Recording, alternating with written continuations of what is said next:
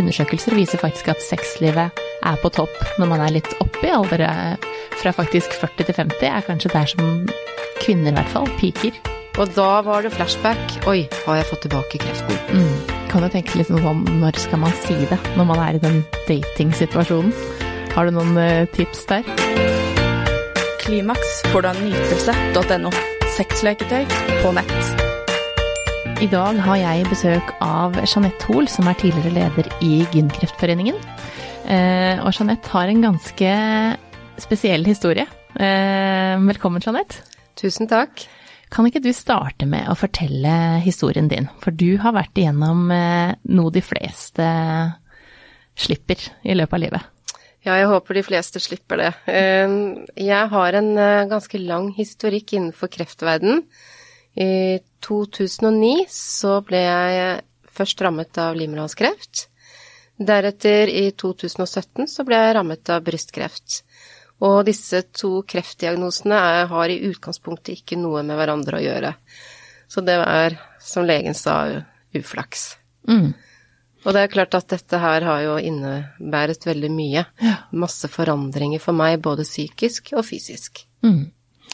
Og eh, for det er jo nettopp eh, Man har jo hørt at man skal sjekke seg. Og, jo, og det vet man. Men man tenker jo kanskje ikke så mye på hva skjer når man sjekker seg og man får den beskjeden du fikk? Nei, eh, og særlig tror jeg spesielt når man er i en ung alder. Mm. Eh, det gjelder for så vidt alle, eh, men, men, jeg tror ikke det er kreft man tenker så mye på når man er såpass ung. Nå har det riktignok vært veldig mye fokus på livmorhalskreft i årene etter at jeg fikk det, mm. men, men, men, jeg tror de fleste går ikke og tenker på det. Så det er jo klart, altså for min del, jeg fikk jo um, symptomer som viste at her var det noe galt for jeg fikk store blødninger nedentil. Mm. Og det gjorde at jeg gikk eh, til legen, og etter hvert da endte på sykehuset og fikk diagnosen livmorhalskreft. Mm. Og hva skjedde fra det? Ja, det ble en uh, lang uh, Jeg kalte det den nye jobben min, jeg, ja. faktisk. Mm. I begynnelsen så skulle jeg på Radiumhospitalet for uh, videre utredning og behandlingsplan. Da var jeg veldig nede i kjelleren. Da husker jeg mamma var med og måtte dra meg, dra meg over terskelen, altså inn til eh, sykehuset, fordi at jeg ville ikke gå inn engang. For jeg syntes det var eh, skremmende, og jeg tenkte dette er mitt siste hvilested. Mm. For Veldig. døden er jo på en måte det man forbinder med Når du hører kreft, mm. så tenker man jo døden. Ja, man gjør det, og særlig når det er første gang. Mm. Eh, du kommer til For meg var det veldig ukjent verden, da. Jeg har liksom ikke vært borti så mye kreft i familien, og vi har vært heldige der, bank i bordet. Mm. Så, så, ja, jeg var redd. Mm. Og så så jeg jo alle disse menneskene rundt som gikk med stativet sitt og ja, uten hår og alt det der, så jeg var redd. Mm. Men den redselen forsvant fort, ja. fordi jeg møtte fantastisk eh, helsepersonell som uh, fulgte meg opp med behandling. Og bare for å fortelle det kort, mm så ble min eh, behandlingsmetode, det, eller for meg, det var stort sett eh, stråling. Mm. Både utvendig og innvendig. Den innvendige var bare seks ganger, men den utvendige gikk over ca. to måneder, fem dager i uken. Ja. Da, så du slapp å miste hår? Jeg slapp å miste håret. Mm. Men jeg hadde jo andre utfordringer, eh, som annet mye diaréproblematikk. Ja for stråling nedentil. For det at jeg har jo snakka med deg tidligere, og du lærte meg noe eh, veldig viktig. For stråling, det, det er jo ikke man, Det er jo noe man bare hører om. Eh, vi som ikke har vært ramma av kreft, hører bare at man stråler og man går på cellegift. Men hva er det som faktisk skjer? Det som skjer, er at Altså, for min del så lagde de uh, et såkalt kart Eh, med eh, tatoveringsprikker for å finne nøyaktig sted hvor svulsten lå. Mm. Pluss at jeg hadde noe spredning til et par lymfer. Eh, og da eh, kommer man Man får denne strålingen som varer kanskje fem minutter hver gang, så det er jo mm. ikke langvarig. Men den ødelegger selvfølgelig mye innvendig. Mm. Den tar heldigvis svulsten, og gjorde det hos meg, og gjør det hos de fleste. Mm. Men den tok også andre friske organer. Mm. Så, så, jeg fikk veldig skade på tarmsystemet mitt, men også selve skjeden og ja, også underlivet generelt. Mm. Og, og, det eh, som er veldig viktig når du får eh, stråleterapi, det er at man eh, bruker en eller annen form for eh, ja, si en, en dildo, da. Sånn at man ikke får eh, sammenvoksninger, og, og at det gror sammen. Mm. For det var nettopp det du lærte meg, at det faktisk kan gro igjen. Fordi at det vevet gror, altså det gror igjen, sånn at det faktisk ikke blir mulig å faktisk ha samleie senere. Det er i hvert fall veldig utfordrende. Eh, og grunnen til det er at, eh, at disse sammenvoksningene kan skje, da. Det er jo fordi det er jo egentlig en brannskade. Ikke sant? Og så begynner det å skal gro, og så blir det jo veldig sånn Vevet blir jo veldig lite tøyelig, og ja, så det er mye som skjer. I tillegg så kommer jeg jo også i overgangsalder. Og det er jo også en påvirkning, da. Eh, For min del den gangen så var jeg heldig å kunne begynne på hormontilskudd, som jeg fikk av, eh, av legen, og det hjalp meg mye. For da fikk jeg Da merket jeg ikke disse overgangsalderplagene. Nei. Men det som jeg eh, ikke var så heldig med, det var informasjonen. Hvor viktig det er å bruke hjelpemidler for nettopp å forebygge disse sammenvoksningene. Og det har jo også fått henvendelser fra flere som syns at legen deres kanskje syns det er litt vanskelig å snakke om nettopp det, fordi det er så mye fokus på selve sykdommen, og ikke kanskje så mye at det skal fungere etterpå. Ja, der har jeg et godt eksempel veldig raskt. Mm. Da jeg fikk innvendig stråling, så ble det gjort i narkose. Og da lå jeg, siste gangen, så lå jeg i narkosesus. Jeg hadde det veldig gøy. Moren min hadde ikke så gøy, satt ved siden av og var glad for at jeg hadde overlevd denne gang òg. Mødre er mødre. Ja. og så kommer da en ung lege inn med en toalettmappe, og så mumler bare noe om at ja, denne må du bruke. Eh, moren min var veldig opptatt av jeg som lå der, og jeg var jo ikke edru, for å si det på den måten. Og det gikk jo bare forsvant jo. Skjønte jo ikke viktigheten av det i det hele tatt. Og det viste seg at det var et sånt sett vi fikk utlevert på sykehuset. Et dilatosett? Ja, som for så vidt heller ikke var noe ålreit. Vi har heldigvis blitt bedre der nå, men jeg er av den oppfatning at eh, man burde faktisk fått lov å velge individuelt hva som passer en best. Um, Jeg sitter her i dag med en hånd. Høyrehånden min har jeg ødelagt. Jeg klarer nesten ikke å bruke den. Og det er jo klart at når du får en sånn eh, dilator som eh, ikke er eh, noe vibrasjon i, og må bruke hånden din selv, det er vanskelig for meg nå. Mm. Og da kan du tenke deg også innenfor andre typer diagnoser, da, Mm. som eksempel revmatisme. Mm. Så, så jeg, jeg bare et sånt lite innspill på sidelinjen Ja, der, men og det er viktig å få med, fordi at det, det tenker man kanskje ikke på når man ikke er i den situasjonen. Eh, og det at eh, med en vibrator som faktisk gjør mye mer jobb for deg, og du slipper å ta hånda ut og inn eller røre på den i det hele tatt. Et dilatorsett er jo eh, bare en, en, en dildo, altså et lite sett med forskjellige størrelser. Eh, fra liten til eh, ja, som en litt større enn en fingerstørrelse. Nytelse.no. mm. Men det er jo så mye mer man kan velge mellom. Ja, og så tenker jeg, sånn som jeg for min del da, var veldig opptatt av at ok, eh, jeg som ikke da brukte disse eh, eller brukte disse dildatorene eh, i det hele tatt på en lang periode. Jeg fikk jo utfordringer, for jeg begynte å få sammenvoksninger. Og, og så prøvde jeg likevel å ha, ja, være intim med, med, med, med samboeren min. Og det gikk jo veldig galt, ikke sant. For da hadde jo jeg vokst såpass i sammen og begynte å få store, eller fikk store blødninger under samleie.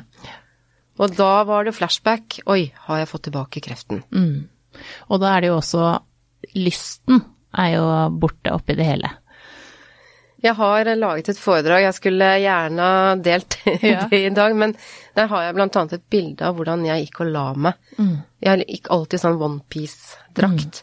Jeg følte at kroppen min, den bare Altså, jeg fikk så dårlig eh, forhold til kroppen min, og la alt som hadde med seksualitet, alt bare helt til siden, og kom i en veldig dårlig sirkel. Helt til det gikk noen år, og jeg fikk møte andre hjelpemidler, fikk mye bedre hjelp, og også tok meg selv litt sammen, for det må jo, det kreves jo også en egeninnsats. Begynte å trene i dusjen, litt og litt, og så ble det bare bedre og bedre. Ja. For det er faktisk mulig å komme tilbake. Det er det, for mange så er det det. Ja. Eh, Det er selvfølgelig noen som har veldig omfattende skader, men, men det handler jo om at eh, eh, sex er jo ikke bare et underlivet. Nei. Sex er jo også intimitet, Ja. og intimitet er mye. Ja. Og, man, og det handler jo veldig mye om åssen man føler seg. Og man føler jo da at det, det er så viktig, da.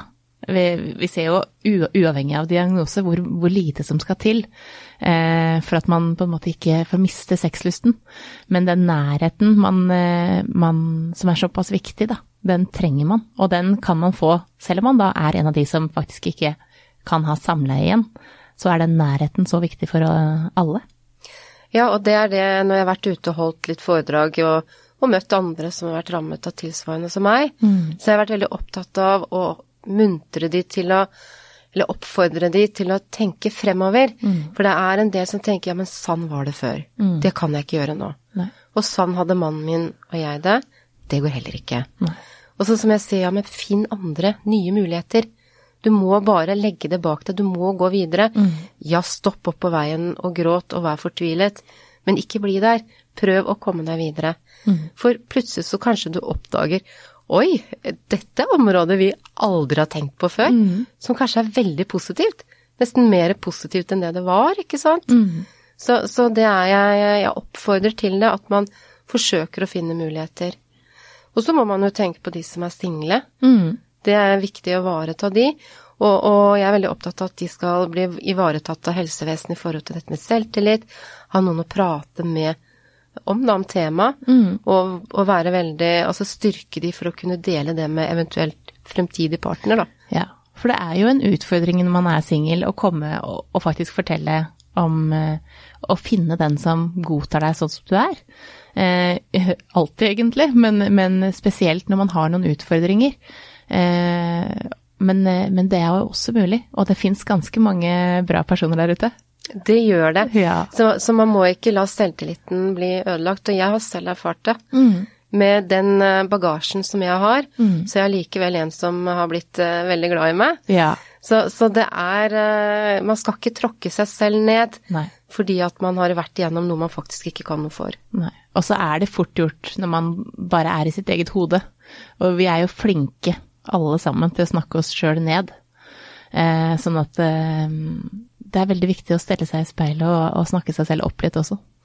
Ja, jeg, jeg syns det er eh, et veldig godt tips. Ja, ja for at det, det er eh, eh, såpass mye kroppsfokus eh, rundt i samfunnet at, eh, at vi snakker oss selv oftere ned enn vi klarer å snakke oss opp. Jeg har vært veldig der fordi etter brystkreften brystkreften så måtte jeg slutte på disse hormontilskuddene. Eh, Selv om egentlig ikke den brystkreften jeg hadde var relatert til den type kreft, men, eh, men jeg måtte allikevel. Og kroppen min har jo da selvfølgelig rett inn i overgangsalder. Eh, valkene har eh, kommet frem, maven er blitt større, altså jeg har lagt på meg. Og det er greit, det var fint å legge på, at jeg hadde godt av å legge på meg lite grann. Men, men sånn som det er blitt, ikke sant, kroppen min bare, uff, hva har skjedd? Men, eh, men så prøver jeg liksom å tenke, herregud, jeg er 44 år gammel. Ja vel, så fikk jeg overgangsalderen ti år for tidlig nå. Men, men altså, jeg har en som er glad i meg, jeg har såpass god helse. Og han ser det ikke, Nei. ikke sant? Og så er det mer enn kroppen vi er sammen med. Nytelse.no. Sant? Ja, for at det, han liker deg for den du er, og dere har det fint sammen.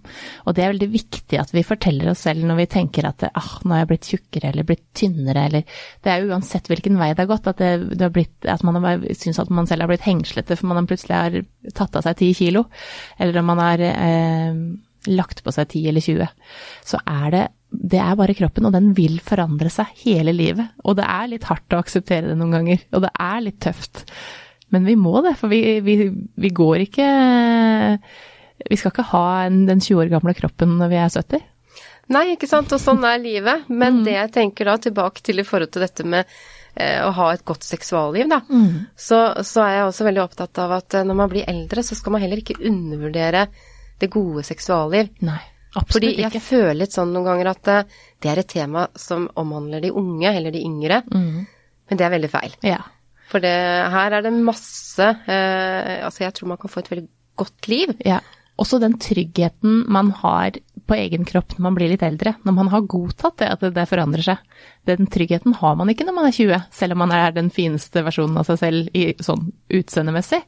Så har man ikke den tryggheten eh, når man er ung. Så den, de fleste eh, undersøkelser viser faktisk at sexlivet er på topp når man er litt oppe i alder, eh, fra faktisk 40 til 50, er kanskje der som kvinner i hvert fall piker. Sånn at, eh, for da har man en helt annen trygghet, og er trygg på seg selv, og tør å si hva man vil ha. Mm. Eh, og tør å si hva man trenger. Og, og, og, faktisk, det her er meg, og det er det her du får. Ja, og jeg tenker også at nøkkelordet, det er kommunikasjon, ikke sant? Mm. Fordi jeg tror, eh, altså ut ifra min egen del, at vi kvinner kanskje ikke alltid har vært like flinke til å si det, det liker jeg. Nei, det liker jeg ikke. Nei. Ikke sant? Men, eh, men det har jeg lært oppover årene. Og, og, jeg ser jo at man kan jo finne mye i sammen. Eh, hjelpemidler som absolutt eh, krydrer Ja. eh, sexlivet, da. Ja, ja, ja. Eh, for begge to, Mm. ikke minst. Ja, og der har det kommet mye mer også for menn. Nå har det jo vært mye for damer, egentlig alltid eh, der, siden damer er dem som trenger litt mer stimuli. Eh, men nå har det også kommet mye spennende for, eh, for menn også, og parleketøy. Sånn at det fins jo masse man kan gjøre. Og jeg ser også det at det, eh, jo eldre man blir, så blir man faktisk litt mer leken. Man tenker at ting er over, men det er det absolutt ikke. Det er tvert imot. Eh, de unge holder nok mer igjen på ting og er mer stressa og usikre på egen kropp, og mister også da sexlyst. Mens eh, de som har blitt trygg på egen kropp og vet at det her er det, her er det du får, eh, og det er mer enn kropp vi er. Ja, ikke sant. Ja. Det, er det, det er akkurat sånn det er. Ja. Og, og jeg, men jeg vil også igjen si til de som har mistet det eh, seksuallivet som var pga. Ja, kreftbehandling, at eh, hjelpemidlene kan være med på å bedre mye. Fordi, som jeg nevnte i sted, finne andre muligheter. Mm. Og kanskje få en helt annen spenning Mm. enn det som var før. Mm. Jeg, er veldig, jeg, jeg vel, gjentar det mye, Mm. men jeg har selv erfart det, hvor viktig det er. For da kommer man gjerne litt videre. Mm. Ut av den sorgen, da. Ja. For det er jo tøft, hele den Du har jo vært Jeg må jo si det er eh, en av de tøffeste damene jeg veit om. For at det, å få alle de her eh, diagnosene som du har fått, altså tøffe diagnoser, det er ikke for hvem som helst. Og du sitter her fortsatt og er blid og snakker om eh, og hjelper andre da, som er i samme situasjon. Det syns jeg er veldig viktig, fordi jeg ser hvor mye bedre livet mitt er Mm. ved å ha eh, Ja, å kunne fungere også innenfor uh, seksuallivet. Å være intim og tørre det. Ha litt selvtillit der. For det var jo den selvtilliten hadde jeg jo ikke i det hele tatt etter livmorhalskreften. Det tok jo lang tid, og da kan man jo også spørre seg hvordan er systemet egentlig lagt opp i helsevesenet, ikke sant? Det var ikke jeg, jeg vet det er bedre nå enn det var før, men det er veldig individuelt hvor du hører til. Mm. Så og, og det er litt synd, fordi det er så viktig del av livskvaliteten. Mm. Og det påvirker gjerne, i hvert fall der hvor det også er partner inne i bildet, da. Så påvirker det fler. Ja. Og ikke minst at man også inkluderer partneren. Mm, for kommunikasjonen er så viktig at man snakker om både hans eller hennes bekymringer, uavhengig av kjønn. Da. At man snakker om bekymringene som den andre har også, eh, og er åpne om sine egne bekymringer og hva man tenker på, og hva man er redd for. Ja, fordi jeg vet også, kjenner til flere historier hvor eh, det er partnere som har trukket seg tilbake fordi de har vært redd for å ødelegge noe skade. Og så har da den syke da trodd at oi, han Han elsker meg ikke lenger, nå vil han gå fra meg. Og så blir det en veldig dårlig sirkel. Og så viser det seg at eh, nei, han er veldig glad i henne, men er redd for å skade henne, ikke sant. Så det er uh, igjen dette med kommunikasjon. Mm. Kunne snakket om dette en evighet. Ja, men det er fint, for, at det, for det er jo Du har jo snakka med veldig mange som uh, opplever dette. Og hva er det de fleste er bekymra for? Jeg tror det er dette med å ikke kunne fungere og miste uh, funksjon, altså miste funksjonen i forhold til spesielt samleie. Mm. Eh, jeg har jo snakket med både single og, og de som er eh, i forhold, men jeg har hørt mest bekymringer fra de i forhold. Mm. For de er redd for å miste mannen sin eller, eller kona si. Mm. Og, og jeg tenker at man skal ikke stille for høye krav til seg selv, men igjen, kommunikasjon. Se på hjelpemidler sammen. Ta eventuell kontakt med sexolog. Det kan også være til hjelp. Mm. For det er jo eh, rett og slett den kommunikasjonen som man ikke kan få sagt nok. Uansett problem, egentlig, i forhold. Altså, vi må snakke om det. Og vi kan snakke det i hjel. Altså, og det klarer man. Eh, fordi at det, det er ganske mye som, eh, som foregår oppi hodet vårt, og vi ødelegger mye selv, altså. Ja, vi, vi gjør det. Så det er noe med å holde fast på selvtilliten. Og, å tenke at å snakke om sex, det er faktisk ikke flaut. Nei. Det er en naturlig del av livet. Ja. Og det er naturlig at det kommer opp når man da blir ramma av eh, underlivskreft eller livmorhalskreft. Eller brystkreft. Eller brystkreft. Fordi at det, det er jo også igjen der, altså tenker man må man ta bort brystet, må det være, eh, kan man fortsette å ha det sånn, eller åssen blir det, kommer jeg til å være sexy? Man, vi har jo liksom det behovet av å føle oss fin, eh, og at vi er fin for partneren vår. Eh, men partneren, man må også ikke undervurdere den, for den er jo veldig glad for at man faktisk lever. Eh, sånn at og det har jeg også snakka om, jeg snakka om episoden jeg hadde om endometriose. Og da fortalte hun det at partnerne er faktisk veldig fine. Eh, for de er, de stiller eh, så mye opp og er gode og stiller ingen krav. Vil bare at den andre skal bli frisk og ha det bra. Så man skal ikke undervurdere den man er sammen med heller, og tenke at alt med meg er dårlig. For den er sammen med en person også. Det er ikke bare kroppen. Selv om vi vil at det skal fungere. Mm, Det er veldig godt sagt, eh, det må jeg si. Nytelse.no. Eh, For min del så var jeg heldig eh, etter brystkreften. Eller jeg fikk implantat med en gang. De fjernet alt innholdet, og så puttet de inn en implantat, og så så, så jeg fikk til og med beholde brystvorta, så jeg var veldig heldig der, altså. Ja. For det er jo andre som ikke kan gjøre det på den måten. Mm. Men så er det ikke alle som vil heller, for man er så redd. Så man blir sånn eh, skremt på at jeg tar alt. Altså, man blir redd. Man blir så redd for døden, og man blir redd for at det skal skje igjen. Og, eh, så, så noen er jo også sånn at man ikke ønsker å ha et nytt bryst også. Ikke sant? Så det, og det forstår jeg, har den respekten. Eh, men, men igjen så er det som du sier, at eh, det er brystet. Det er ikke hele deg, ikke sant? Og, og det ser jeg eh, at partnere kan være veldig til stede for. Mm. Man skal, som du sier, skal ikke undervurdere de, og derfor så må man også fortelle de hva som skjer, hva man føler, hva som ikke er greit, og hva som er greit. Ja, for det er jo sånn at når man sier en ting, så er det plutselig ikke så farlig lenger. Da, er det, da blir det mye mindre. Det vi går og tenker på blir veldig stort, og det blir større og større jo mer vi tenker på det. Men når man sier en ting, så ja, da har du sagt det, da. Enten om det er at du er sjalu, eller om det er at du er eh, eh, redd, eller om det er at man er eh, usikker. Hvis man sier 'vet du hva, det her gjør meg usikker', så er det plutselig ikke så stort, og så tar den andre også hensyn til det og respekterer det. Det Og hvis er- den ikke gjør det, så tenker jeg at da fins det noen andre der. Ikke sant? Ja. Det er, eh, og det har jeg også sagt til noen jeg har snakket med som har eh, For det er jo, det er jo noen partnere som ikke takler det, Mm. men da er det nok mye annet som ligger inne i bildet. Og som jeg har sagt at da tror jeg ikke det var meningen at det skulle være dere to, uansett. Mm. Og jeg må jo si jeg syns det var fint når du kom i dag, for du stråler jo. Og, og har en partner som du eh, elsker og trives med. Og det er så fint at man kan se at det her, det her er ikke det er ikke sånn som man tenker den dagen man, eh, som du skal bli dratt inn på sykehuset med mammaen din, da. At det ikke er noe håp. Og så ser man nå hvor du er nå. Ja, altså, jeg ble tatt med all den bagasjen jeg hadde med, og det var mye.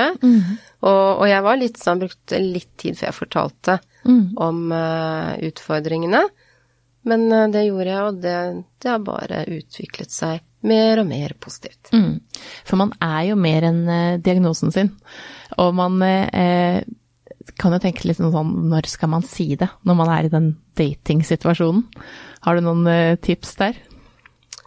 Jeg tenker det at når man begynner å Hvis man ser at dette utvikler seg til å bli mer enn bare å ta noen øl sammen sammen og ha det bra, så tror jeg det er greit å være ganske tidlig og åpen om det. For da slapper du mer av på neste date òg. Ja, man gjør jo det. Eh, og så er fordi at jeg tror jo veldig mange er redd for å skremme noen med det man har. Men det er jo mange ting man ikke ser, eh, som uavhengig av kreft. Du kan jo sitte med en bagasje full av psykiske plager eh, som ingen ser, men eh, når skal du fortelle den? Altså sånn gjelder jo alltid. Alle har sine ting. Eh, og når skal man fortelle det? Det er jo bare litt Man kjenner at dette her er den rette Altså dette her går veien. Så kan man fortelle om litt mer og litt mer, enten det er det eller det. Er du ikke enig? Jo, jeg er helt enig. Igjen, kommunikasjon. ja.